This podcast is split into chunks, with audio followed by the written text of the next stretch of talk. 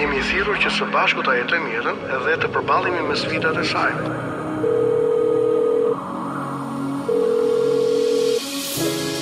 Unë jam pastor Akil Pano. Në Top Albani Radio vjen një program i folur për njeriun, familjen, shoqërinë. Është dita e tetë. Drejt shërimit dhe shpresës. Për ju që ndiheni vetëm dhe të izoluar. Nuk jeni vetëm.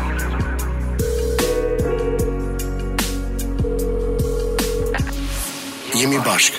Është dita e tetë. Të dashur miq, përshëndetje të përzemërta. Unë jam pastor Akil Pano. Kjo është dita e tetë dhe është mbrëmja juaj. Mbase në këto momente jeni duke më ndjekur në makinën tuaj ndërsa udhëtoni, mbase keni mbërritur në shtëpi.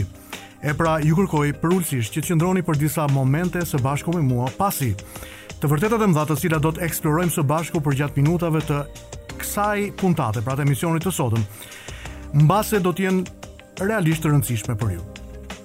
Beqar apo i martuar, si të zgjedhim partnerin e jetës? Dilema e beqarëve, një trend në rritje në shoqërinë tonë. Cilët janë faktorët frenues për të marrë hapin e mëtejshëm në një marrëdhënie? Si mund të kuptoj që është i duhuri apo e duhura? Të dashur miq, ju ftoj që të më ndiqni përgjatë minutave të këtij programi, i cili sapo ka nisur dhe do të përfundojmë këtë mbrëmje rreth orës 10. Mund të më ndiqni gjithashtu edhe në komunikimin tim në Facebook, mund të shkruani komentet, pyetjet tuaja, dhe unë do të sigurohem që diku gjatë kësaj mbrëmjeje t'i lexoj për ju, duke u përpjekur gjithashtu që të jap disa përgjigje të rëndësishme.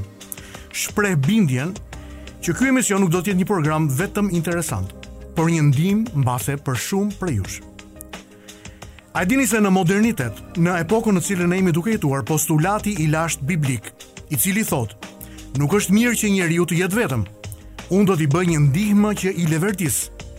Një postulat i cili ka qenë një nga gurët e rëndë në themelin e ndërtimit dhe ruajtjes së shoqërisë njerëzore, është duke u zhvendosur dhe zëvendësuar prej trendit të mosangazhimit në një marrëdhënie serioze, e cila formalizohej më parë nëpërmjet martesës, e sot shikojmë kalon përmes marrëdhënieve alternative si bashkëjetesa apo dhe beqaria.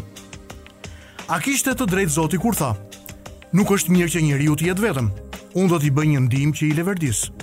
Apo ka të drejtë njeriu kur thotë, Dhe kështu, i mirë, i mirë jam vetëm. Lermëni të shijoj beqarinë time. A kanë të drejtë prindërit të cilët nxisin fëmijët e tyre tanimë në moshë të pjekur të martohen, apo kanë të drejtë fëmijët që vijojnë rrugëtimin duke refuzuar këshillat dhe fituar pak më shumë kohë beqarie?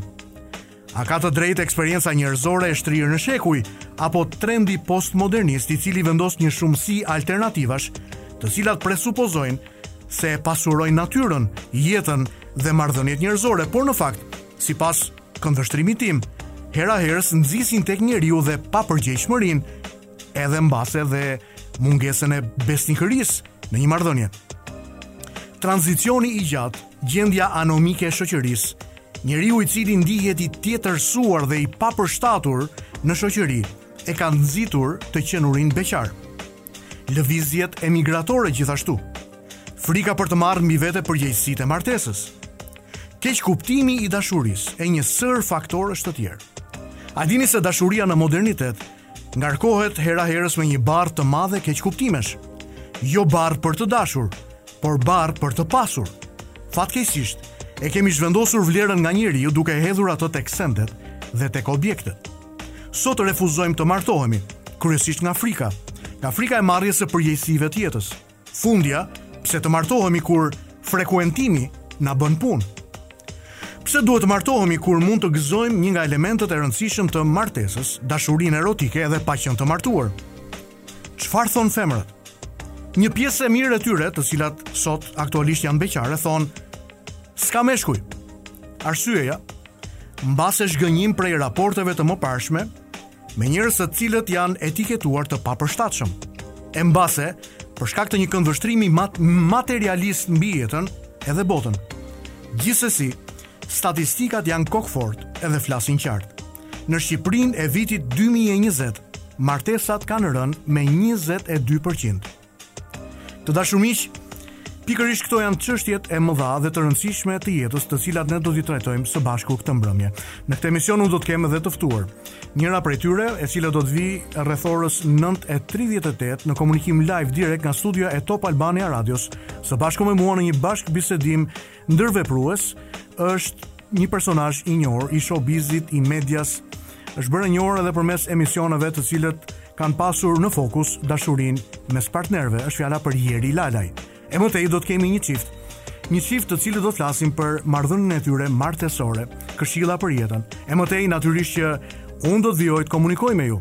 Do të komunikoj dhe do të ndaj jo thjesht mendimet e mia, por mendimet e meditimin e një shkolle të tërë, sugjerime, receta, se si ju mund të dalloni flamujt e kuq, të cilët janë ngritur, konvencionet, si mund të dalloni se cili është dhe cili nuk është partneri i përshtatshëm apo partnerja e përshtatshme në jetën tuaj. E pra, qëndroni me ne, Në vijim. Të dashur miq, mirë se vini. E vërtet ju ftoj që të qëndroni së bashku me mua përgjatë minutave të këtij programi Dita e 8. Unë jam pastor Akil Pano. Shpresoj që zëri im të jetë i dashur për ju dhe të më mirëprisni në automjetin tuaj, të më mirëprisni në shtëpitë tuaja, ndërsa së bashku diskutojmë esencën tonë, njeriun, familjen dhe shoqërinë përmes një përqasje tjetër, përmes dimensionit shpirtëror. Tema e kësaj mbrëmje është beqar apo i martuar, si të zgjedhim partnerin e jetës. E pra, ajo që ka ndodhur në Shqipërinë e modernitetit, është një realitet.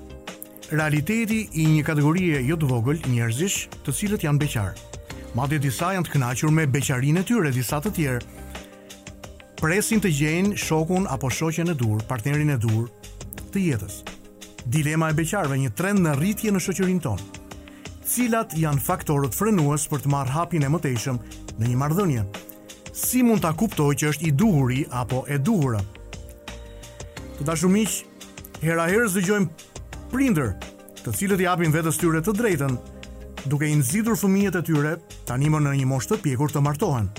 A kanë të drejtë ata, apo fëmijët që vijojnë rrugëtimin duke refuzuar këshillat dhe duke fituar kështu pak më shumë kohë beqarie?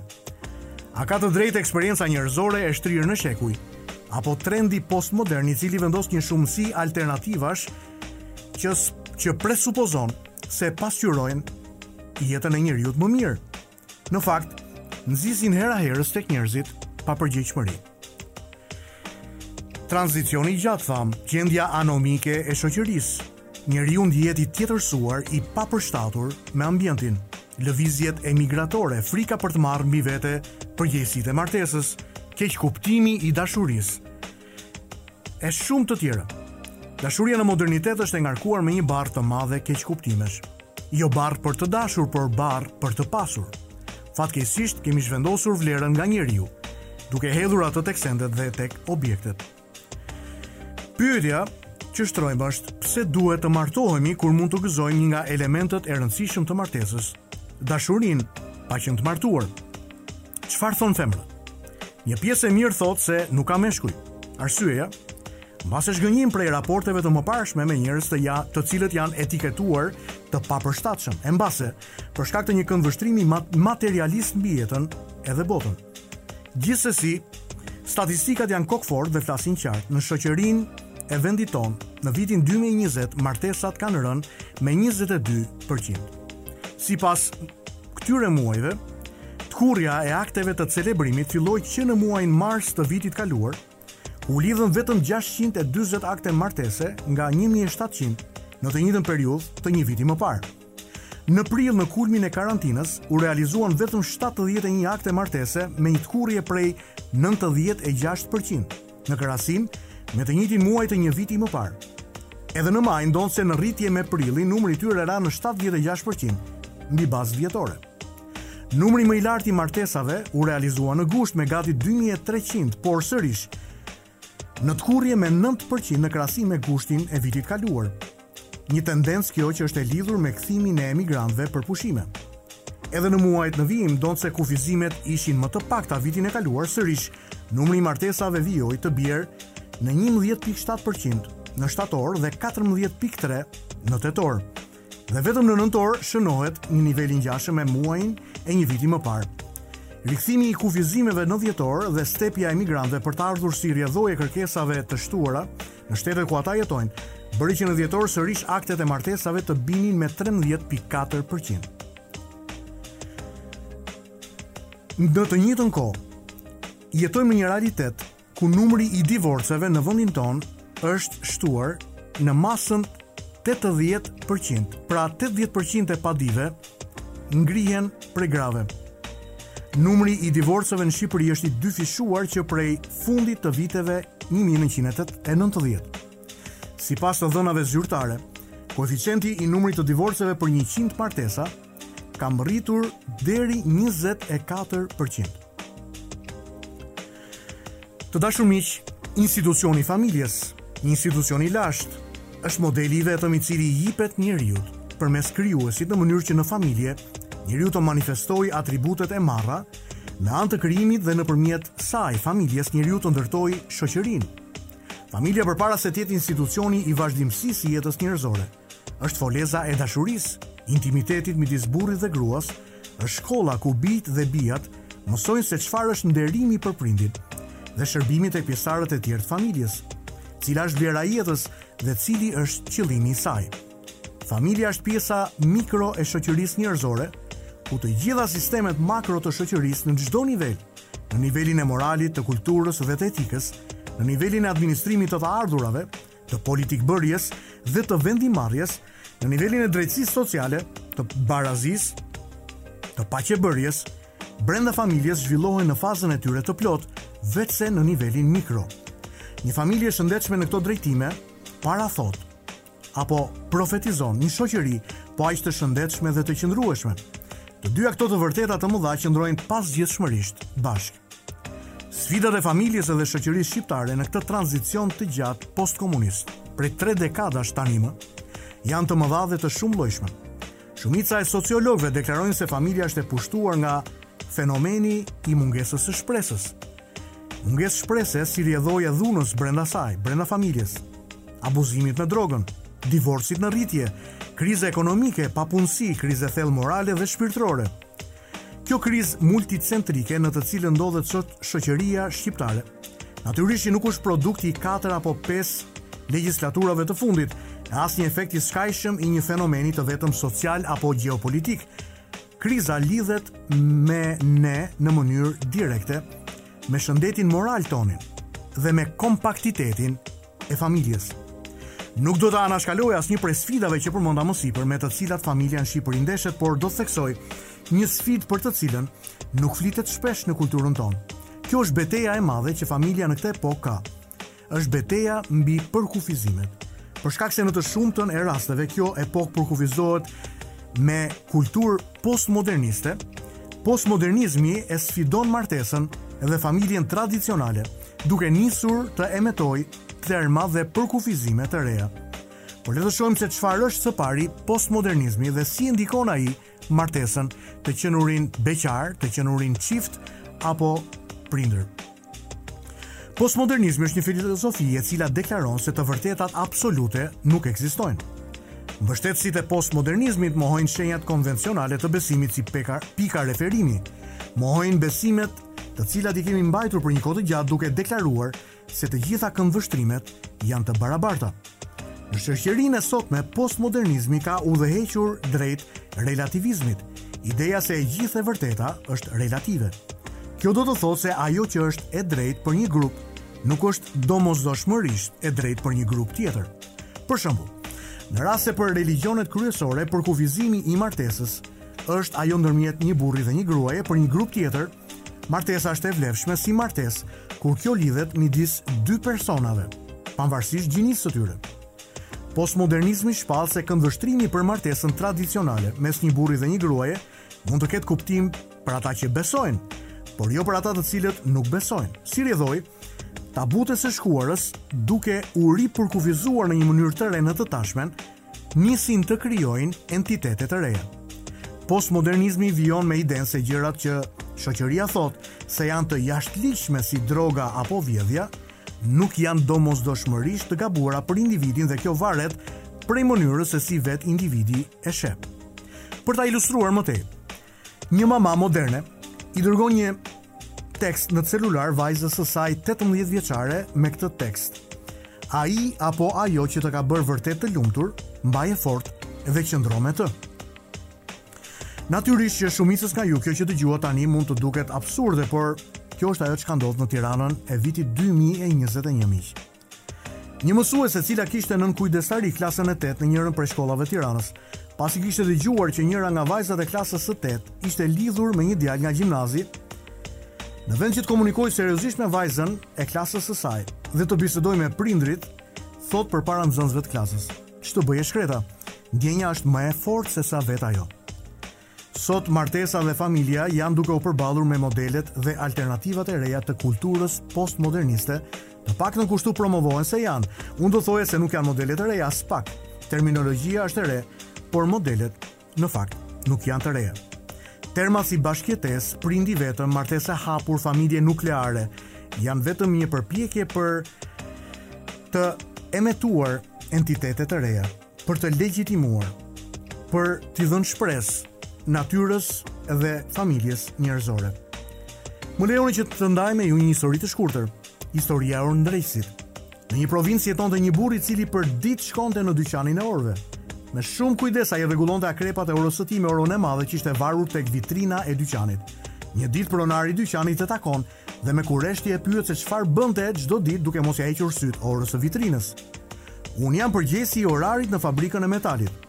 Ora ime e dorës është me defekte dhe nuk ecën mirë, kështu që çdo ditë unë kam nevojë të di orën ekzakte kur duhet t'i bie borisë, që lajmëron mbylljen e orarit të punës.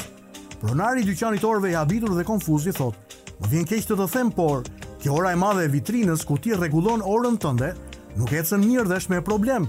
Edhe unë çdo ditë përpara se të shkoj në shtëpi, ia rregulloj akrepat orës së vitrinës, pasi dëgjoj borinë e pasdites nga fabrika e metalit. Miq si mund të jetë dikush i saktë me orarin kur burimi i tij vetëm i referimit është një orë e cila punon keq edhe me defekt. Në të njëjtën mënyrë shtroj pyetjen, si mundet që dikush të mendojë drejt mbi çështjet e etikës, të moralit, çështjet sociale të cilat mundojnë familjen. Natyrisht duke parë qartë mbi të vërtetat e pandryshueshme, të cilat qëndrojnë si lapidar për identitetin, vlerat dhe qëllimin e familjes në shoqëri. Të dashur miq, ju ftoj që të qëndrojmë së bashku nën tingujt e një kënge dhe më tej. Ju ftoj që të qëndroni së bashku me mua për të vijuar minutat e programit për sot. Kemi një të ftuar, është fjala për zonjën Jerina Lalaj. Ja ku u kthyem sërish në valët e Top Albania Radios për të vijuar udhëtimin tonë, udhëtimin tonë shpirtëror, udhëtimin tonë për të rizbuluar dhe rigjetur njeriun në esencën e tij. Pra diskutojmë njeriun, familjen dhe shoqërinë përmes lenteve të dimensionit shpirtëror. Tema për sot në dita e tetë është beqar apo i martuar? Si ta gjejmë partnerin e jetës? Sikundër dhe lançova pak më lart. Në hyrje të këtij emisioni kam një zonjushë, një personazh jo vetëm mediatik, një menaxhere marketingu, një person i cili është i dashur për shumë prej jush. Është fjala për zonjushën Jerina Lalaj, e cila ka lindur në Tiranë Nuk po e tregoj datën edhe vitin. Pas përfundimit të studimeve në Universitetin e Tiranës në degën gjuhë letërsi italiane, ajo më pas kalon në një fushë tjetër, i dedikohet zhvillimit dhe menaxhimit të bizneseve. Jerina i dedikohet marketingut mediatik. Zonjusha Lalaj aktualisht ka zyrën e saj të konsultimit JL Consulting në Tiranë. Ka jetuar dhe punuar 10 vite jashtë Shqipërisë, kryesisht në Itali, Spanjë dhe në mbi tetë vite, si drejtore marketingu në televizionet Ora News, Albanian Screen, Vizion Plus, me përvojën e menaxhimit të fusha, fushatave publicitare të mbi 300 klientëve, kishte ardhur momenti të punonte për veten e saj. E keni e keni njohur dhe e keni parë gjithashtu si opinioniste tek Love Story. Mirëmbrëma, mirë se ke ardhur. Mirëmbrëma, pastor, faleminderit. Sa e çuditshme është të dëgjosh për veten kur uh, kur dikush tjetër të uh, të, të lexon për për rrugëtimin tënd. Shpresoj s'kam lexuar gabim. Uh, jo, ishte ishte shumë mirë aty, mungojnë shumë gjëra në fakt. Unë nuk e kam problem uh, që ta them moshën. Uh, për pak muaj un uh, do t'i kap të të 41 vitet oh. me ndihmën e Zotit edhe me bekimin e Zotit uh, që t'i mbërrij edhe uh, besoj se kam bërë gjëra të mira përgjatë uh, rrugëtimit tim qoftë rrugëtimit tim personal uh, atij shpirtëror edhe atij profesional Në fakt takimi ynë i parë ka qenë përpara disa vitesh në emisionin Opinion të Blendi Fevziut. dhe kemi trajtuar një temë shumë interesante. Kemi shumë interesante. Edhe, Ishte edhe... një sondazh në fakt, shumë interesant. kemi pas edhe disa përplasje, idesh, mendimesh aty një emision që unë e pashë dhe ripashë dhe ripashë disa herë më, më vonë. Dhe kur vendu, po mendoja për temën e sotme, po mendoja dhe po diskutoja me grupin e gazetarëve dhe thashë Jerina është pikërisht personi të cilin duam të intervistojmë. A e dini, a e keni menduar për shqiptarët është trend tashmë ë ë vajzat të arrira në karrierë, vajzat të cilat kanë uh, vetësiguri, uh, vetëvlerësim për për për veten, uh, të cilat janë beqare. Ne sot trajtojmë temën e du, duke e sikur kjo është një gjë e keqe. Po. Jo, absolutisht jo, jo, jo, në fakt jo. jo. Në fakt jo, në fakt jo, në, në fakt, fakt jo. jo. Por, por për disa dhe mund të jetë. Ëm, ndoshta, po. Varet nga këndvështrimi edhe nga Si mendoni ju Jeri, është më mirë beqar apo e martuar? Ëm, në fakt un kam qenë në, në pothuajse e martuar në një bashkëjetesë shumë të gjatë me me një zotëri që kam dashur shumë dhe për për arsye ë që nuk arrinim dot të bënim të lumtur njëri-tjetrin, vendosëm që t'i jepnim fund marrëdhënies tonë. Por kemi kemi kaluar një trajektore shumë të lumtur, por për shumë vite. Kështu që unë besoj që edhe atë fazën ndoshta jo martesë me brenda rregullave të martesës, po ndoshta të bashkëjetesës e kam kaluar dhe ka qenë një periudhë që unë e mbaj mend shumë të lumtur. Ashtu siç mund të them që prej 8 uh, vitesh tashmë un jam uh, beqare dhe vazhdoj të jem një beqare e lumtur. Nuk e kam vuajtur asnjëherë statusin as kur kam qenë e martuar apo tani që jam beqare. Bëtë një bëtë një ndërhyrje jo interesante, po vërtet të, të thellë. Në fakt do të na devijonte të gjithë bisedën nëse unë do të do të vijoj me pyetje të tjera pas kësaj që sapo bëtë sepse si të dëshironi pastor, unë jam un kam ardhur me premtimin që të jem e sinqertë dhe të jem vetja dhe nga ana shpirtërore të, të kem këtë paqen që unë kam çdo ditës time. Pra ju ju ju sapo shpallët që keni pas një bashkëjetesë. Po. që zgjati disa vjet. 16. 16 vjet. Po. Wow. Po nuk menduat kurrë ndërsa bashkëjetonit së bashku që ta formalizonit raportin tuaj edhe të shkonit drejt Kemi dashur shpesh herë, ë uh, kemi dashur shpesh herë sepse ishte një nga ë uh, një nga dëshirat uh, e, e që kishim si si çift, por uh, ishte gjithmonë diçka që dilte dhe uh, ishte aty dhe mendonim që dashuria mjaftonte. Edhe nuk kishim nevojë që të firmosnim një një dokument për ta për ta formalizuar po kur ishim aq të lumtur me me njëri tjetrin. Për të vijuar uh, dashuria nuk mjaftoi sepse uh, zotria nuk ishte shqiptar, uh, un për një periudhë kohe e ndoqa atje ku ku jetonim, pastaj ai më ndoqi mua, ë kishim një ndryshim kulturash edhe okay. çështje profesionale që duhet të bënim një zgjedhje dhe si dy njerëz të të rritur edhe civil dhe që e kanë dashur për shumë kohë njëri tjetrin në në jetën e përbashkët, po, po. zgjodhëm që secili të ishte i lumtur në ndarja juaj kaloi përmes kufijve të bonsensit, patjetër mirëkuptimit ne jemi miq edhe sot. Tjetrit, okay. Jemi miq edhe sot, kështu që. A do t'i rekomandonit dikujt uh, lidhje uh, po themi ndër ndër kulturore, pra një shqiptar ose shqiptare me një të huaj që mund të ishte në këtë rast një australian apo një italian apo një austriak. Do ta rekomandoja për sa kohë ka dashuri në mes. Ë uh, fakti që mua nuk më funksionoi nuk do të thotë që të mos i funksionojë të tjerëve. Plus që tani ë çdo gjë është bërë më më, më globale. Mundësitë janë më më të mëdha për për të qenë, për të punuar, për për të këmbyer, le të themi këtë këtë tranzicion që na na kushton dikujt që të heqim dorë o, o, o dikujt nga një karrierë apo partnerit nga karriera e tij është më e thjeshtë sot kam përshtypjen. Pasi ju dolët prej uh, raportit relativisht të gjatë 16 vite bashkëjetesë, a uh, kishte ëndra të thyra aty në mes, kishte po. zhgënjim, kishte lëndim diku? Nuk do thoja lëndim, po ëndra të thyra patjetër që kishte, ishte një jetë një jetë e përbashkët që nuk kishim menduar asnjëherë që do do përfundonte. T'u desh kohë që ti në një farë mënyre emocionalisht të restauroje veten të rimëkëmbesh në dimensionin. Unë jam nga ata njerëz që kur e marr vendimin, me thënë të drejtën, jam pak e vendosur edhe ë um, un kam shumë besim në Zot. Edhe uh, i kam dhënë vetes gjithmonë forcë sepse mendoj që kam dikë mbi kokë që i di shumë mirë dhe më ndihmon me vullnet që të marr vendimet e duhura. Dhe nga momenti që marr një vendim, përpiqem që që t'i qëndroj besnike vendimit që kam marrë, nuk para qaj mbi Dakor, patjetër, patjetër. Qumështin e derdhur. Nuk do vajtojmë, nuk do të vajtojmë, uh, nuk do të vajtojmë. Nuk nuk e kisha tek tek ideja e vajit edhe e, e lotëve. E kisha tek ideja e një mesazhi inkurajues për dhjetra apo qindra individë të cilët ë uh, nuk arrijnë dot ta çojnë më tej uh, udhëtimin e tyre në bashkëjetesë apo edhe në martesë, pasi numri i divorceve në vendin tonë është në rritje. Ka shkuar diku tek 24%.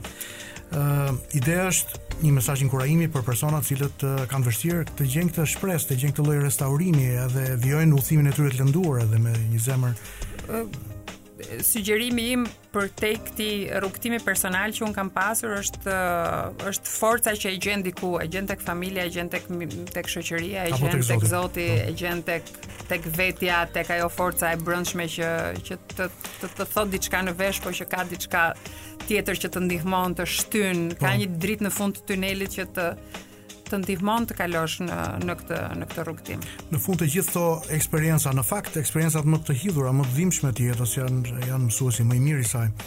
Unë do të vijoj më tej. A është e vështirë që në moshën 30 vjeçe për një vajzë në realitetin shqiptar të gjejë partnerin e saj? Jo, nuk besoj. Në moshën 30 vjeç besoj se një vajzë është e mbi të 30-at është mjaftueshmërisht e përgatitur që të gjejë partnerin e duhur, që të ndërtojë një familje, që të rrisi fëmijë, të ketë krijuar edhe një një bazë ekonomike sepse është edhe po. ajo e rëndësishme për të ndërtuar një familje pra, sot. Pra, nëse do flisnim për një partner të duhur për ju, në rastin tuaj, cili do të ishte partneri? Nuk do përdor fjalën perfekt sepse të gjithë jemi larg perfektes, përsosurës.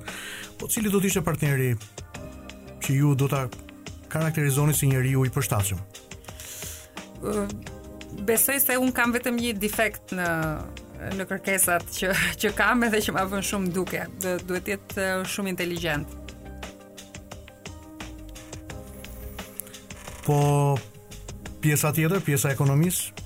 Pjesa e ekonomisë, nuk besoj se një burrë inteligjent e lë veten që të mos jetë me pjesën e ekonomisë. Okej, okay, kuptova. Pra tek inteligjenca të sistemuar, le të nuk po nuk po nuk po flas për për pasurinë apo për për çudira mm -hmm. të jashtëzakonshme se këto janë këto janë pjesë e rrjeteve sociale më shumë se sa e bashkëjetesës, por një lloj sistemimi apo një lloj baze në të cilën të dytë mund të jemi të të balancuar, pra që të mos ketë vakume mes njëri-tjetrit se kush është Gjeri, a, a beson që një vajzë mbi të 30-at mund të bjerë në dashuri sikundër mbase ka rënë në të 18-tat.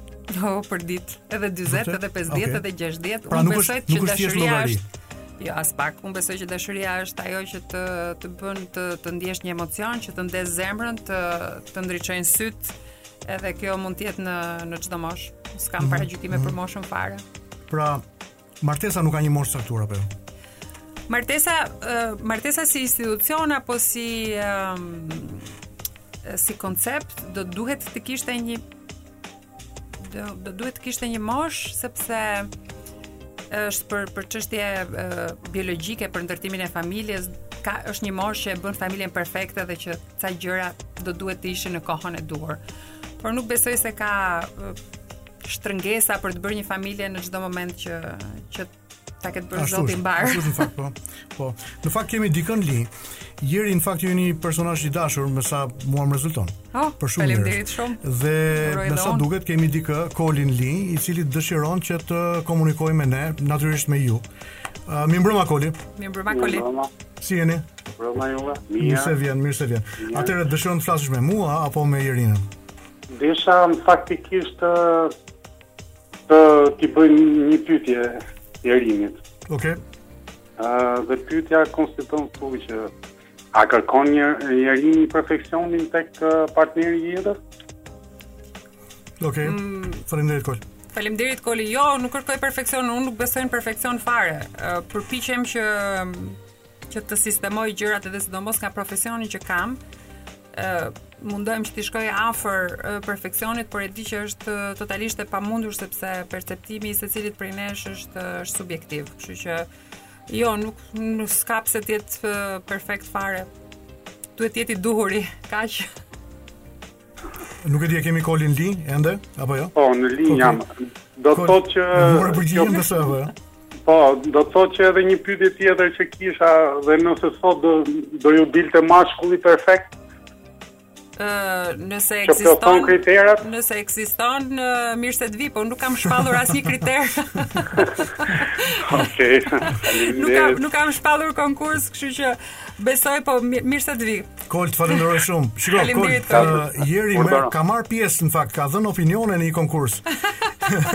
e kam dëgjuar, prandaj, prandaj e bëra edhe këtë po, pyetje. Te ju ne na duket mashkulli perfekt pak nga jashtë nga nga televizioni. Po, Por në fakt të gjithë jemi larg larg tokës së përsosjes, larg Edenit. Mirë, falenderoj Koli, të falenderoj shumë. Okej, dhe unë. Jeri interesante. Nuk ekziston mashkulli perfekt. Çfarë mendon për vajzat të cilat thonë nuk ka një mashkull për mua? E ke dëgjuar si shprehje? Ë, më ka ndodhur që dhe unë ta them shpesh. Edhe kjo vjen nga nga momentet nga momentet e ngarkesës që kjo jeta që është bërë kaq dinamike dhe kaq asociale deri në një farë pike që nuk po arrim dot që të, të njihemi apo të komunikojmë me njerëzit ashtu siç do donim apo siç dikur bëhej. Tani është pak më dinamike, është duhet i kapësh sinjalet në ajër o, ose ndoshta un jam pak më konservatore se ç, se ç'duhet edhe e kam e kam vënë re këtë këtë gjë. Por uh, jo, vajzat e reja i kanë uh, i kanë të gjitha mundësitë që t'i t'i bëjnë gjërat siç duan vetë dhe uh, brezat e rinj kanë ndryshuar, edhe mënyra e komunikimit që kanë mes tyre është totalisht e ndryshme nga ajo që kemi pasur ne. Fatkeqësisht kam kam zbuluar një stereotip që ekziston. Unë jam në komunikim vazhdueshëm me njerëzit për ditë. Puna ime e pastorit ë këshilloj çifte ë çifte që kanë momente të vështira në martesën e tyre, por edhe vajza dhe djem, të cilët janë ato fazat e hershme të dashurisë.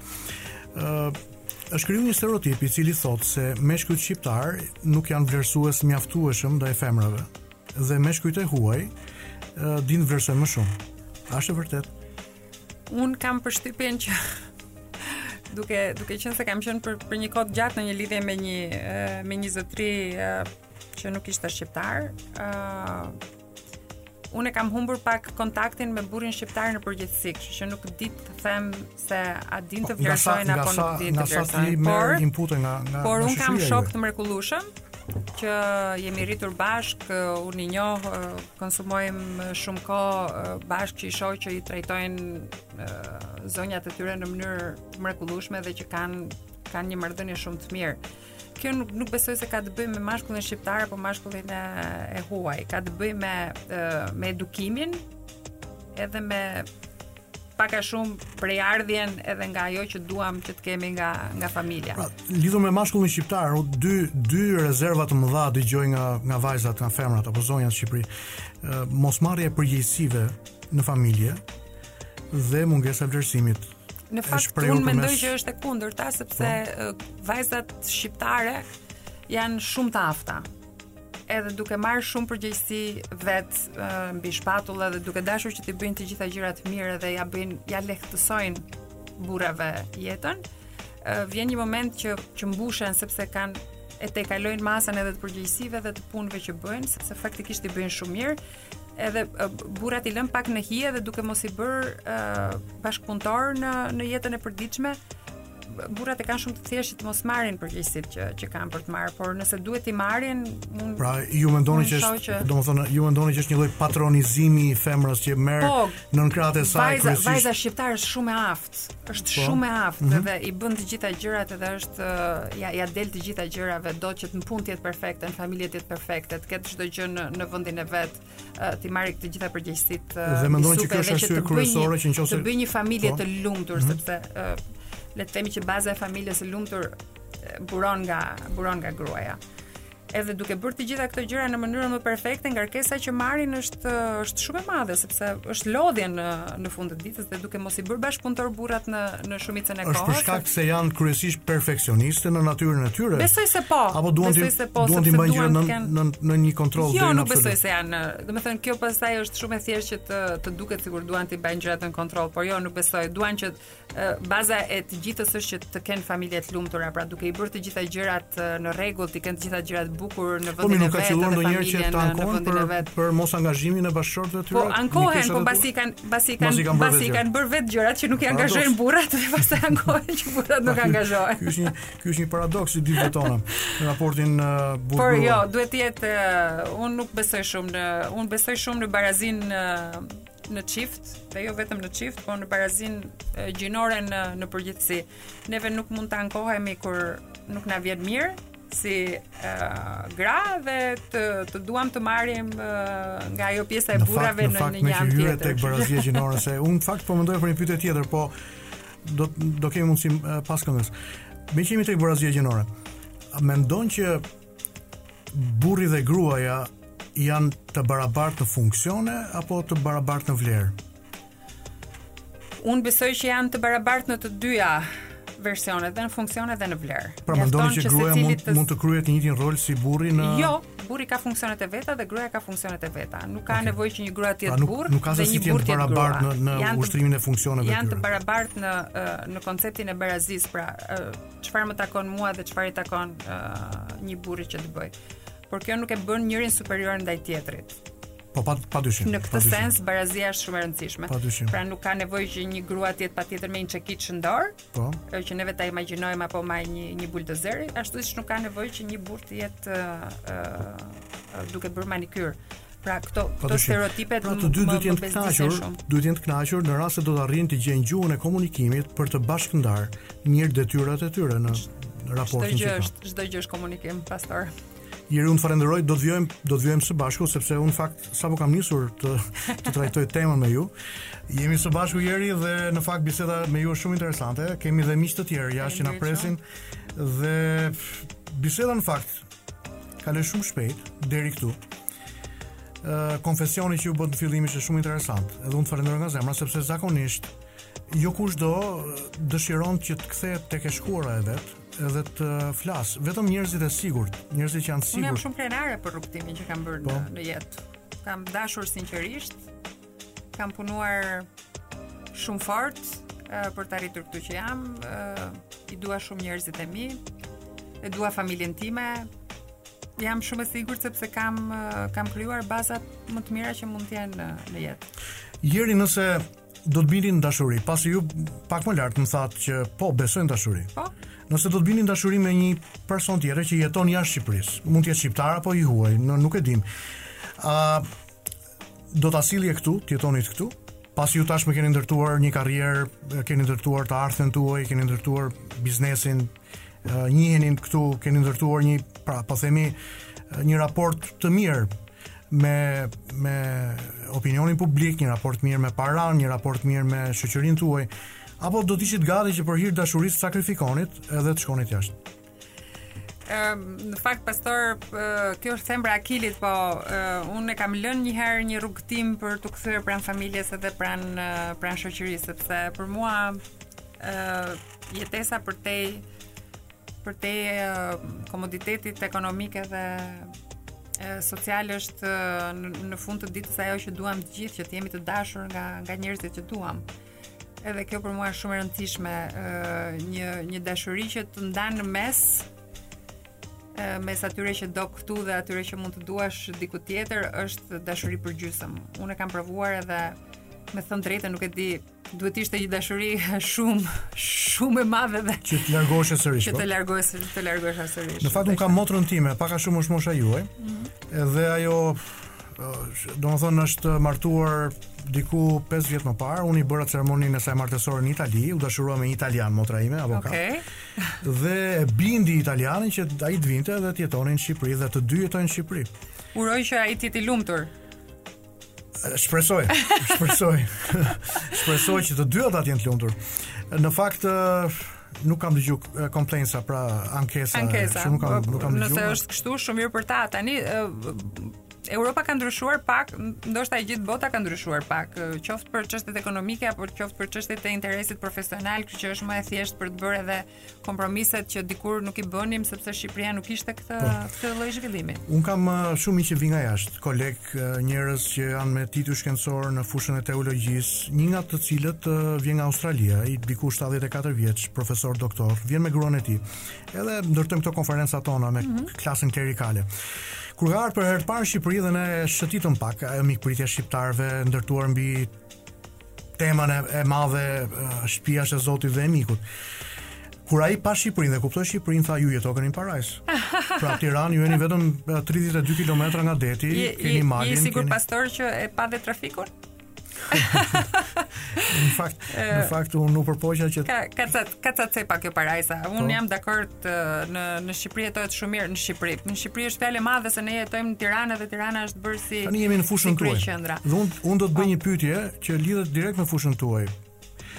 Mendoni që një çift mund të jetonte i lumtur në Shqipëri duke pasur disa të ardhura dhe sa të ardhura pak a shumë do të ishin mjaft Jo për të bërë një jetë luksoze, por për të bërë një jetë mm, të kënaqshme në Shqipëri. Një një jetë e kënaqshme në Shqipëri është ajo e mesmja e artë apo niveli i mesëm i të ardhurave që mund të kenë dy bashkëshortë intelektualë ku ku kanë siguruar një le të themi një, një bazë mesatare të lartë për të jetuar mirë. Ë në Shqipëri me të ardhurat që do të thotë që mesatare e lartë pak a shumë sa sa duhet të jetë në muaj? po duhet të jetë minimumi tek tek 100 mijë të reja. Të reja. Po. Që të bësh një jetesë, le të themi që t'i lejosh vetes edhe për të bërë një fundjavë apo edhe po. për të për të shijuar një restorant edhe për Nga miqtë e mi të cilët kanë provuar emigracionin dhe kanë lënë karrierën në Shqipëri, kanë shkuar në Amerikë, kanë jetuar atje 6-7 vjet, kanë ardhur dhe më kanë treguar përpjekjet e tyre të mëdha, sepse aty do ta nisnin nga e para gjithçka, gjithçka. Mm -hmm. Në fund të në fund vitit, në qoftë se do të ishin vërtet me fat, burri dhe gruaja punojnë në Amerikë, edhe janë në Chicago. Të ardhurat e tyre në fund vitit, ata mund të kursenin diku 5 deri në 7000 dollarë. Të dy punonin, natyrisht fëmijët i kishin të vegjël. Mm -hmm. Pra, edhe po thonin ne këto kursime i bënim në Shqipëri. duke punuar në Shqipëri. Natyrisht që kosto e jetesës është shumë e ulët. ë pagat janë më të ulta.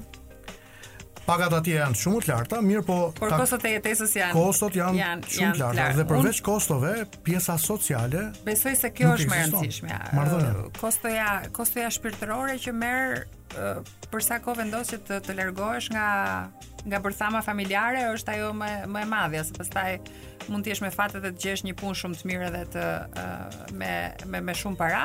Mund të jesh një uh, rroktar që rroktarët në gjithë botën atë nivel kanë, nuk është po. se ndryshon kjo nga Europa apo nga nga Amerika. Jer, do t'i kthehem edhe një herë subjektit. subjektit beqar apo i martuar. E di që ka shumë vajza tani në këtë kohë, në këto momente që po na ndjekin. Edhe kam shumë uh, përshtypjen, që do donin që unë t'ju pyesja disa pyetje që mbase do t'i përgjigjeshit dhe ju shkurt. Ë uh, a do ta pranoje një partner që ka qenë i divorcuar dhe ka fëmijë? Patjetër që po. Pse jo? Është Edhe një... nëse fëmijën një... ai do ta merrte me vete, ti do të pranoje që të zotëri që ka bërë një rrugëtim të vetin në jetë dhe që ndoshta nuk i ka funksionuar ashtu siç nuk po, më ka funksionuar po. mua.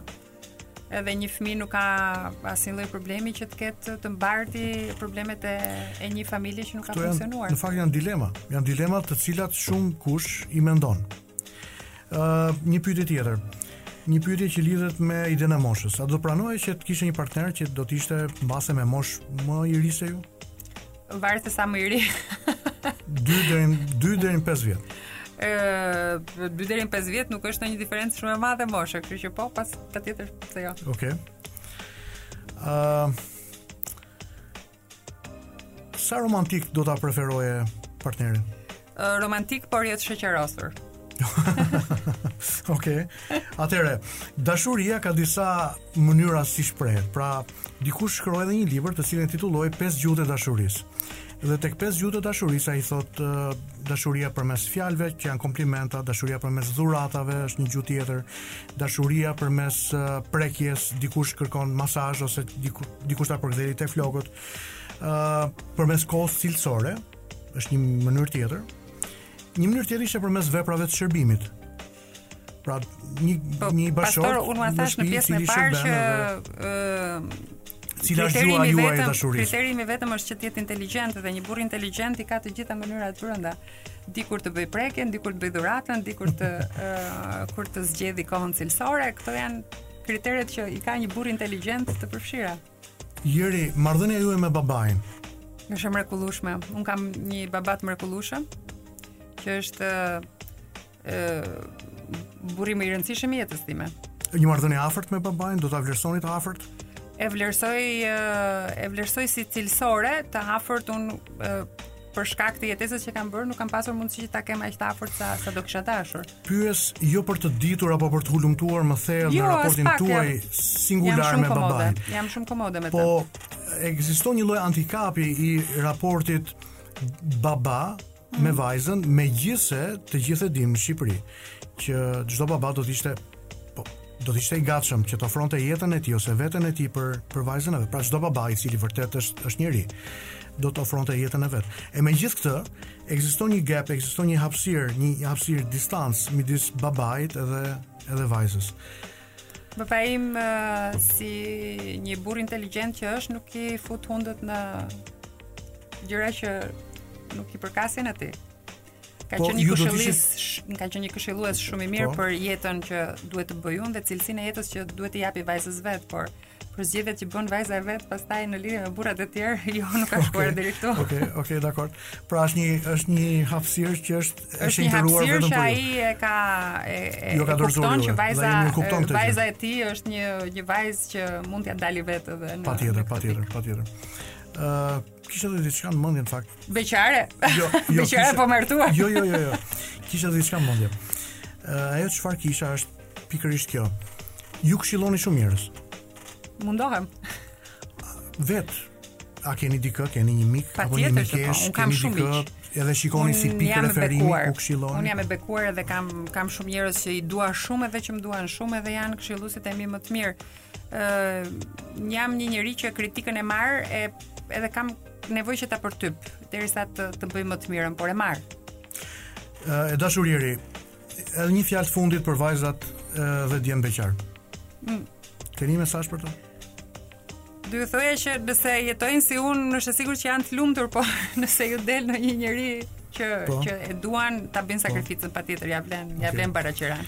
Jeri Lala mezi pres të, të shikoj në projektin tuaj të ardhshëm në televizion.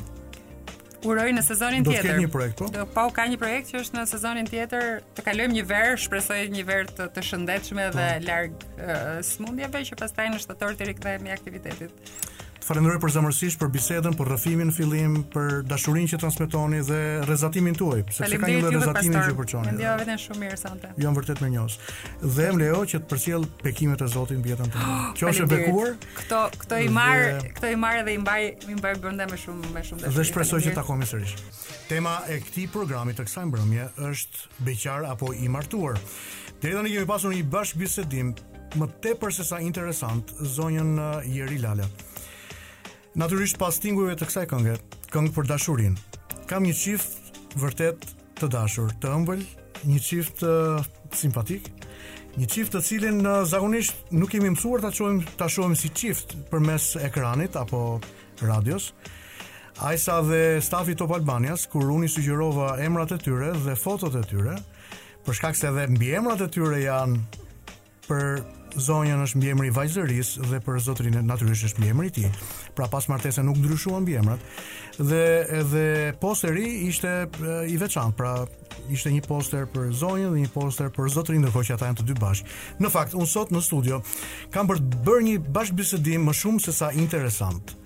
Zonjën Edlira Çepani dhe zotërinë Gerti, Gerti i cili në fakt është mik, mik i dashur, është një personalitet publik në vendin tonë, ka qenë deputet në Parlamentin e Shqipërisë, Gerti Bogdani. Mirë se vini. Mirë se vini, faleminderit. Dhe ju falënderoj që keni thyer një nga tabutë e rëndësishme të të jetës tuaj, pasi neve kërkuam në fakt të gjenim intervista të mëparshme dhe kuptuam që ju nuk keni dalë si çift apo si familje për të për t'u intervistuar, për të folur, për të diskutuar, për të treguar rrëfimin tuaj dashurisë, e mbase për të inkurajuar shumë njerëz në kulturën tonë, të cilët janë hezitantë për të marrë atë hapin e madh formalizimit të raportit tyre dashuror. Pse kështu? Pse e keni mbajtur shumë diskrete raportin tuaj në komunikim publik me me opinionin publik.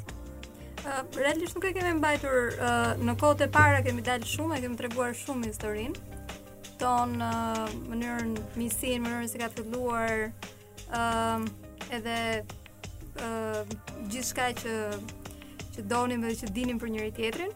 ë uh, Pastaj ndonjëherë duke qenë njerëz që jemi shumë të angazhuar në publik, preferuam që me pak xhelozi këtë pjesën tonë private ta mbanim ta mbanim pak më shumë për vete, sidomos fëmijët të cilët nuk para kemi dashur t'i t'i ekspozonim. T'i ekspozojmë. Edhe në fakt keni bërë shumë mirë. Keni bërë shumë mirë që keni mbajt për vete dhe e keni ruajtur intimitetin e familjes, ashtu sikundër duhet çdo çift dhe çdo familje ta ruajë, pra brenda brenda strukturave të saj. Edlira Çepani ju jeni aktiviste për të drejtat e njeriut. Ë uh, rolet gjinore, koordinatore kombëtare e rrjetit Barazia në vendimmarrje, rrjeti i grave aktive që nga nga gjitha partitë politike, shoqëria civile dhe media e krijuar që në vitin 2008 me iniciativën e grave Pjesë e programit NDI zhvillimi i liderëve të rinj në politikë, gratë në avokim. Në fakt, e gjitha kjo që sapo unë lançova, mbase është një pjesë që nuk është e dukshme për sa i takon angazhimit tuaj publik. Jemi mësuar t'ju shohim në një komunikim publik të vazhdueshëm përmes diskurseve në media me karakter social, çështje sociale, familja, kur është familja në qendër, kur ka debate të karakterit shoqëror, edhe ju keni qenë shumë aktive. Lidhur me idenë e kësaj pjese të aktivizimit tuaj, a mund të thoni diçka? Uh, jo, unë kam që në momentet e, e para që kam vendosur se për çfarë do të studioja. Kam vendosur të studioj drejtësi sepse më ka pëlqyer gjithmonë pjesa e aktivizmit për të drejtat e njeriut. Dhe tek pjesa e aktivizmit për të drejtat e njeriut hyn të gjitha këto gjëra. Hyn pjesa sociale, të cilën unë e kam jashtëzakonisht shumë për zemër, dhe të merresh me drejtat e njeriut do të thotë të të advokosh për vlerat, për familjen, për jetën me integritet, të advokosh për fëmijët, për drejtat e tyre, për gjithë ata që s'kanë zë. Dhe kjo ka qenë një nga thirrjet e mia shumë të kahershme një vokacion i brëndshëm një thirrje vokacion i brëndshëm që edhe kur punoja punoja si avokate me firma të mëdha me kompani shumë të mëdha me me kontrata nga më të shumëllojshmet, Nuk më jepte këtë kënaqësinë që më jep pjesa e të qenit në terren me fëmijët, me shtresat në nevojë, me shtresat e margjinalizuara. Kështu që pjesa pastaj e të drejtave të grave dhe të vajzave hyn patjetër te kjo. Politika është një sektor i cili i ka diskriminuar shumë shumë shpesh dhe vazhdon të diskriminojë vajzat dhe gratë, vazhdon të diskriminojë shtresa nga më të ndryshmet si edhe të rinjtë. Kështu që menduam se do të ishte një kauzë e bukur e ndërmarrë nga gratë dhe vajzat përtej partive politike në të 12 qarqet e Shqipërisë për të ngritur zërin dhe për të ngritur kauzat e përbashkëta aty ku duhet që zëri të jetë i përbashkët përtej ndasive. Dhe më fal, kjo bëhet, kjo bëhet përmes fushatave të caktuara që ju organizoni apo është diçka që ndodh 365 ditë të vitit? Kjo ndodh treqind e gjashtëdhjetë e pesë ditë të vitit në mënyra nga më të ndryshmet, qoftë nga fushata me fushata ndërgjegjësuese, qoftë me rritje kapacitetesh, qoftë me mbështetje të grave dhe të vajzave që janë në politikë, por edhe të rinjve që duan të hyjnë në politikë qoftë me nisma nga më të ndryshmet për t'i dhënë zë atyre që realisht duan të kenë një zë në vendimmarrje dhe duan që të jenë zëri i komuniteteve të tyre. Gjithçka është tek pjesa e mbështetjes së atyre që duan nuk e di. Këtë pjesë nuk e di. Kur shikoja uh, materialin e përgatitur nga gazetarja jonë, kuptova që është diçka të cilën në emisionet që neve kemi qenë edhe hera herës bashkë në Top Channel edhe në kanale të tjera. nuk nuk është parë megjithëse ju keni bërë dhe keni bërë shumë mirë sepse keni qenë një zë që keni advokatuar, pra keni qenë në mbrojtje të njerëzve apo shtresave në nevojë, njerëzve dhe familjeve apo shtresave të marginalizuara. Përpara se të shkojmë tek tema, unë dua që të bëj një përshkrim të shkurtër të bashkëshortit tuaj, Gerti Bogdani, politikan i lindur në Tiranë në vitin, mund ta them? Patjetër. 1980, 7 korrik. I largët tashmë, po patjetër. Pasi përfunduat shkollën e mesme Harry Fultz me rezultate të shkëlqyera dhe medalje ari, Gerti vijon studimet e larta në Universitetin Politeknik të New Yorkut, ku diplomohet me nderimet më të larta summa cum laude. Është një term i njohur për mua se djali im përfundoi studimet në Universitetin e New Yorkut në Tiranë. Bravo. Dhe mori diplomën amerikane që erdhi me këtë vlerësim. Dhe e kam e kam parasysh se sa se sa ke djersirë, sa ke punuar që të marrësh një vlerësim një vlerësim të tillë. Medalje ari. Kthehesh më pas në Shqipëri duke rifilluar karrierën profesionale në fushën akademike tek universiteti ku ka studiuar djali im, Universiteti i New Yorkut në Tiranë. Ju jeni themelues dhe Drejtues i rrjetit të studentëve shqiptarë në botë. Karrierën politike filloni në vitin dy mijë e shtatë, kandidon me Partinë Demokratike për kryetar të njësisë bashkiake numër dhjetë në Tiranë dhe ato kanë qenë herët e para që ne jemi taku dhe kemi pi kafe diku aty rreth njësisë Rreth rrugës Kavajës. Po, ke rruga Kavajës. Ë, Garë të cilën ju natyrisht e fituat në atë kohë. gjatë asaj kohe vazhdoni dhe vazhduat aktivitetin si zëdhënës politik i PD-së.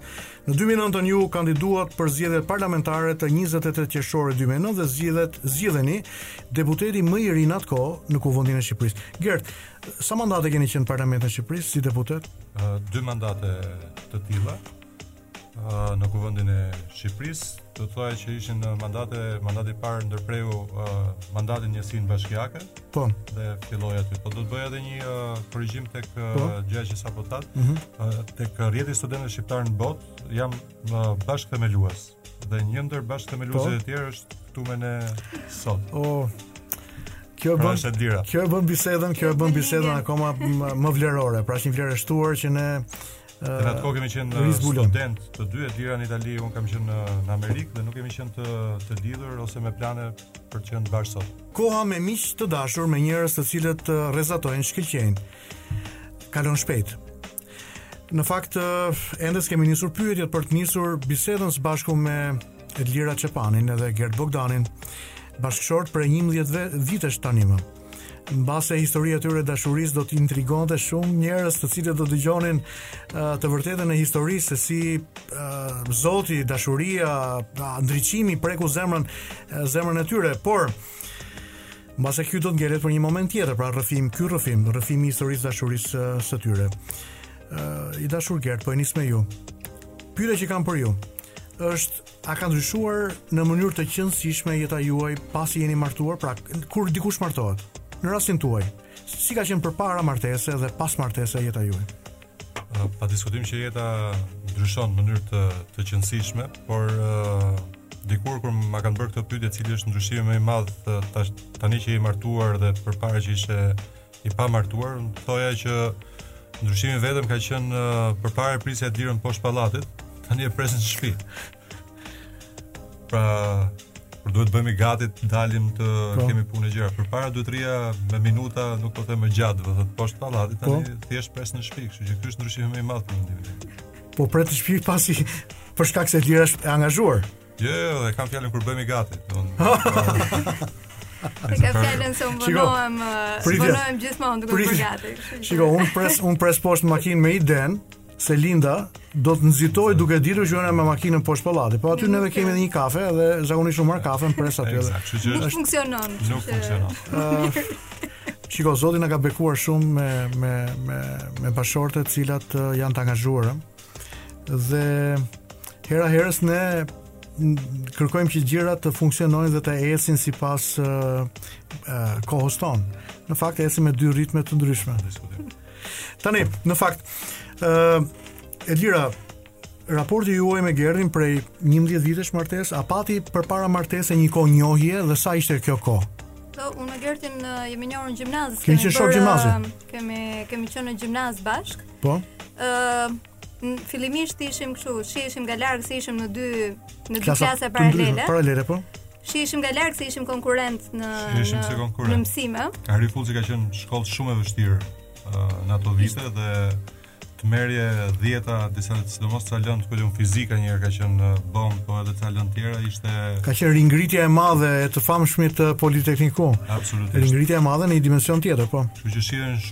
si si konkurrent. A po kjo është ajo që mori 10 në fizikë, nuk e kam vetëm unë nuk jam i vetmi unë. Pra nuk ka qenë dashuri me shikim të parë, po ka qenë Jo, absolutisht, kemi kemi patur më pas kuptuam që do ishte interesante po të bashkëpunonim, kështu që filluam të ishim pjesë e skuadrave të ndryshme të debatit, gjyqeve imituese, këto nismat që bëhen nëpër gjimnaze, nëpër shkolla.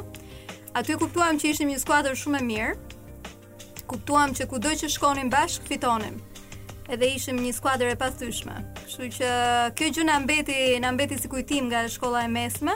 Po, dhe, dhe më pas vijoi udhëtimi juaj. Ishte një miqësi shumë e mirë dhe një bashkëpunim shumë i mirë. E mbajtët marrëdhënien edhe gjatë viteve të studimeve të larta apo? U munduam ta mbanim, unë u largova pak më përpara se të mbaronte shkolla, unë kam mbaruar shkollën e mesme, e kam mbaruar në Itali. Po. Kështu që u largova po. pak më parë, pastaj Gerti u largua për Shtetet e Bashkuara në New York që ku studioi pra, katër vite. Pra ju jetuat Edlira me familje, me prindrit edhe familjen tuaj. Po, po, unë isha në Itali, Gerti ishte në Amerikë. Për shkak se prindrit tuaj kanë qenë kanë qenë me punë atje, po? Po, ishin uh, babai im ishte diplomat, po. ishte mm -hmm. uh, konsull i përgjithshëm në në Itali, kështu që për shumë vite Ne ndenjëm dhe nuk ishte si kohët e sotme po pra. ku kishte celular, Facebook, Instagram, Facebook internet. Kështu që pak a shumë lidhja ishte e ngrirë. Po kur ndodhi ai ritakimi i famshëm i juaj? Ritakimi ndodhi pikërisht tek tek rrjeti Asan, nga themelimi i rrjetit studentëve shqiptarë në botë. Po. Ku ne vendosëm me një uh, grup miqsh por bashkë me me Gertin, me vllajën e Gertit, që të krijonim një rrjet të të rinjve që studiojnë dhe jetojnë jashtë për të dhënë një kontribut për Shqipërinë që aty ku ndodheshim. Edhe pikërisht kjo ishte momenti i ritakimit edhe i rivendosjes së bashkëpunimit ë të suksesshëm gjithashtu, sepse rrjeti pati një impakt shumë të madh edhe vazhdon dhe sot ekziston edhe impakton jetën e qindra të rinjve. Kishte ndryshuar Gerti Edlira në sy tuaj kur ju e u ripat, pra u ritakuat pas shumë vitesh po? Ishte i njëjti Gert apo kishte ndryshuar? Ishte ishte patjetër që kishte ndryshuar, se shkolla e lartë të ndryshon, sidomos të ndryshojnë edhe vendet e ndryshme ku jeton.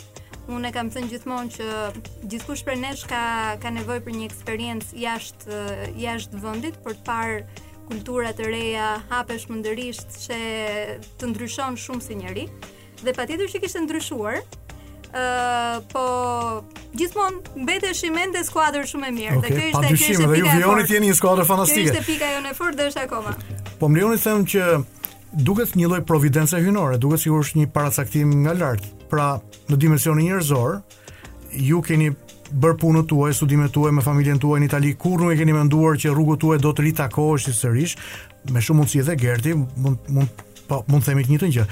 Ritakoheni dhe rrugët tuaja dhe jo thjesht rrugët rrugët në dimensionin uh, intelektual apo në dimensionin e e raporteve që lidhen me projekte njerëzore, por edhe rrugët që bashkojnë fillin e zemrave, takohen me njëri tjetrin, po. Pa diskutim, dhe unë besoj që çdo gjë e bukur që ndodh në jetën e një njeriu e ka pa diskutim burimin tek tek Zoti tek Perëndia. Kështu që pa diskutim besoj që edhe në këtë rast një gjë e tillë, një gjë e tillë ka ndodhur. Dhe do thoya këtu, pavarësisht se nuk është tema, unë për shkak të Dirës gjithashtu në atë periudhë që u ritakuam dhe u rinjohëm, kam kam njohur dhe Perëndinë më mirë se ç'e njihja përpara, kështu që është uh, një bekim në disa aspekte, do thoya. Është shumë interesante se si ritakohen gjërat, por është shumë interesante dhe bën shumë më të bukur uh, martesën sot. Fakti që kemi qenë shumë miq përpara, fakti që kemi ditur të bashkëpunojmë uh, përpara, sepse në martesë një nga gjërat më të rëndësishme uh, për mendimin tim është bashkëpunimi mes uh, burrit dhe gruas, pra nuk po. uh, nuk duhet të ketë njëri që bën punët e shtëpisë dhe tjetri që ku di unë që sjell rrogën në shtëpi, por jo, është bashkëpunim, duhet të punojnë të dy bashkë, si punët e shtëpisë, si punët jashtë shtëpisë, si rritjen po. e fëmijëve, si ë detyrat e tjera. Mbase kjo mund të tingëllojë pak e çuditshme.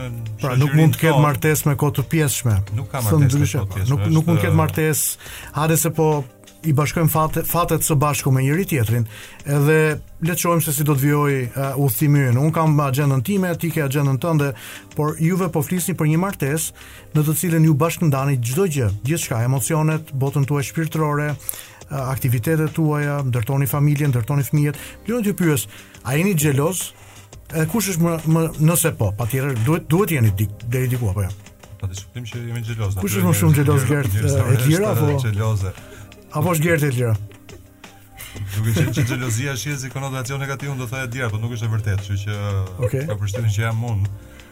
Por është e vërtetë ajo që the. Megjithatë ka disa Po unë nuk e shikoj me konotacion negativ xhelozinë, ëh, sepse është një lloj xhelozie që është pozitive në në këtë rast. Furnizon dashurinë dhe na ruan, por nuk flasim për një xhelozi të sëmurë, po flasim për një xhelozi. Absolutisht. Për sa kohë ekziston dashuria, për sa kohë ekziston po. respekti uh, i ndërsjellë për për njëri tjetrin, ajo lloj xhelozie pastaj nuk ka nuk ka vend.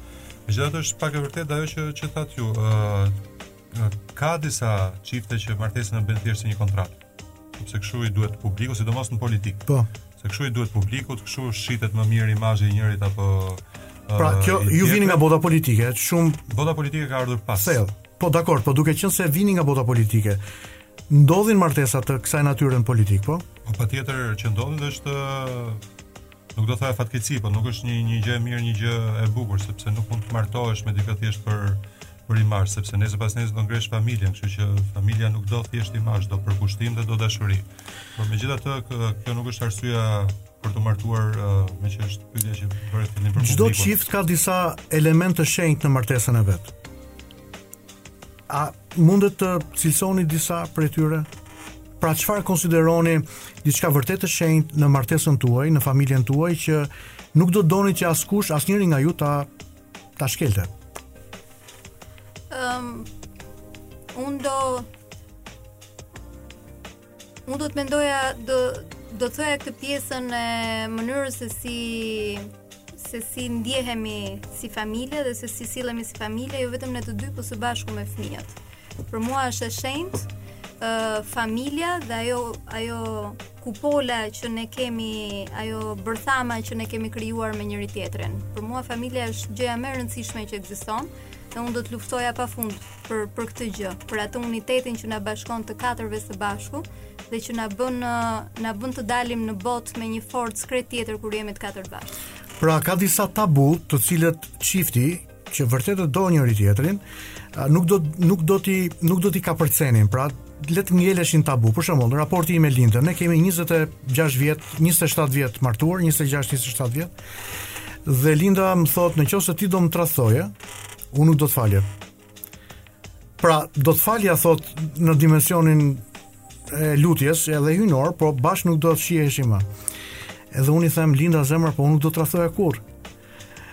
Ë dhe është diçka që por diçka të cilën e shikojmë si si të rëndësishme. Si e shikoni ju tradhtinë? Jo jo thjesht në dimensionin raportin Gerti Edlira, por në raportin e një çifti. Pasi, uh, niveli i divorceve në kulturën tonë është në është në rritje.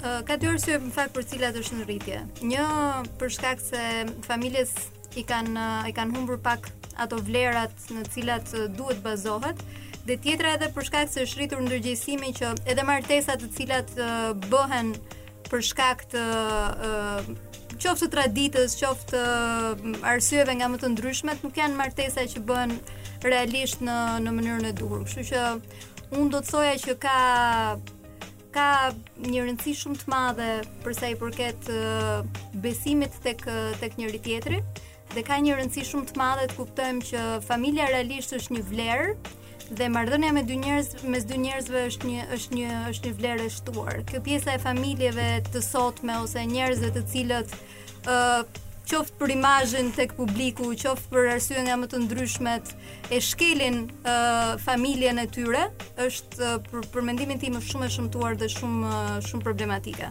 Kështu që është një gjë që realisht për cilën duhet folur në Shqipëri dhe duhet folur shumë sepse ka një ka një problematikë të thellë për sa i përket kësaj gjëje, duket sikur është një modë, një trend uh, i cili është tejet i shëmtuar. Ne jemi në një problem të madh me kohën, po ma bëjnë me shenjë nga regjia disa herë, në fakt kemi tejkalu komplet kohën. Unë jam në borxh me kohën, jam borxh me me juve. Do doja që të qëndroni më gjatë. Mirë po janë disa rregulla dhe disa kufi që ne nuk mund t'i kapërcejmë më tej. Uh, janë disa tabu. Janë disa tabu që nuk mund t'i nuk mund t'i shkelim, nuk mund t'i thyejmë. Por në këtë bisedë do ta vijojmë. Edlira Çepani, të falenderoj nga zemra. Të jam shumë mirënjohës. Keni sakrifikuar kohën tuaj me të vegjlit, me familjarët, me fëmijët tuaj dhe Gert falenderoj shumë.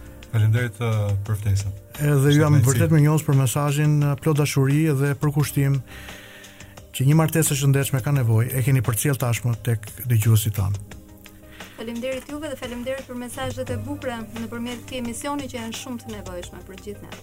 Në këtë program të sotëm un kam pasur nderin që të bashkëbisedoja me Jeri Lalaj e më tej me Edlira Çepanin dhe Gert Bogdanin. Historinë e tyre të dashurisë. Më vjen vërtet keq për faktin se Minutat, sekondat e bashkëbisedimit dhe të këtij programi kanë fluturuar. Ndihem sërish në borxh me një pjesë të komunitetit që më ndjek në Facebook. Un kam nxjerr pyetjet dhe recetat e mia, të cilat ju nuk i keni dëgjuar për këtë mbrëmje. Pyetjet e miqve që na shkruajnë në Facebook dhe kërkojnë uh, të ndajnë mendimin e tyre, pyetjet e tyre dhe komentet e tyre lidhur me Temën e madhe të beqarisë. Si mundet ta di me siguri që personi me cilin jam i dashuruar është njeriu me cilin vërtet duhet ta vijoj udhëtimin tim drejt formalizimit të marrëdhënies në altarin martesor. Nuk e di nëse do të kemi mundësi që në puntatën tjetër, pra të mërkurën tjetër në orën 8 të mbrëmjes do të vijojmë sërish me këtë temë, pasi vetëm sa e kemi prekur, Vetëm sa kemi guxuar ta prekim dhe ta vizitojmë. Trendi i beqarëve dhe beqareve në kulturën tonë është në rritje. A është frika që i mban të palidhur? A është zhgënjimi që vjen prej raporteve të mëparshme? A janë një sërë faktorësh ekonomik? A është emigracioni?